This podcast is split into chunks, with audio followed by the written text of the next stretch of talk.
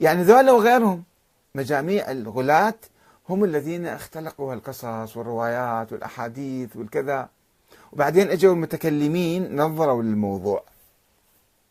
اجوا المتكلمين بما يعني فلسفوا الموضوع انه ليش إحنا نؤمن بهذا الإمام؟ لأنه عقلا لازم نؤمن به. لأنه هاي مسألة عقلية. والعقل مو طريق لإثبات وجود إنسان. الطريق الطبيعي هو الطريق التاريخي. كما نعرف كل الأئمة عبر التاريخ عبر التواتر التاريخي.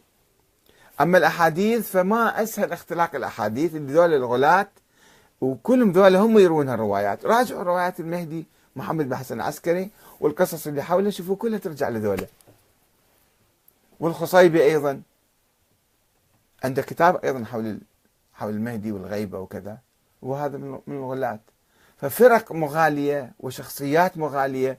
كانت ذيك الأيام في النصف الثاني من القرن الثالث الهجري تختلق. ما تشاء وتدس في تراث أهل البيت ما تشاء. وأهل البيت راحوا. انتهى الإمام الحسن العسكري وانتهت السلالة مالتهم. وهذول جماعة يلعبون طوبة بالشيعة والتشيع. فدمروا الشيعة والتشيع. ونوموهم. ألف سنة أنتم ما يصير تقومون بأي دور ولا أي. بعدين العباسيين إجوا. العباسيين استفادوا من هاي الفكرة. استفادوا واستغلوا الفكرة المهدوية مهدوية محمد بن حسن العسكري ووجوده في مقابل الفاطميين الذين خرجوا. خرج المهدي مالهم. مهدي عبيد الله الفاطمي قال أنا المهدي وهذه الدولة راح أسويها وسوى الدولة الفاطمية. فالعباسيين في بغداد شجعوا هذا التيار في مقابل تلك الدولة حتى يبعدوا الناس عن تلك الدولة الفاطمية اللي لعنوها وسبوها وشتموها وذولا باطنيين وذولا ملحدين وذولا كذا وكذا وسووا حرب إعلامية عليهم. فلذلك أقول نحن يعني كل القوى كل الدعوات المهدوية السابقة آه، ما كانت بعيدة عن الغلاة والباطنيين. طبعا هي في طبيعتها في آه، يعني مهدوية الإمام علي يعني هو إمام مهدي فعلا إمام مهدي إمام علي كان. الله هديه ويحكم بالعدل والقسط فهو إمام مهدي. محمد بن عبد الله النفس الزكية أيضا كان يأمل أن يكون مهدي ويكون سائر ويحقق العدل. وكذلك بقية الأئمة قد يكون هناك احتمال أن يكونوا مهديين. بس الغلاة والباطنيين كانوا يستغلون هاي النظريات والحركات والدعوات لكي ينفون وفاتهم.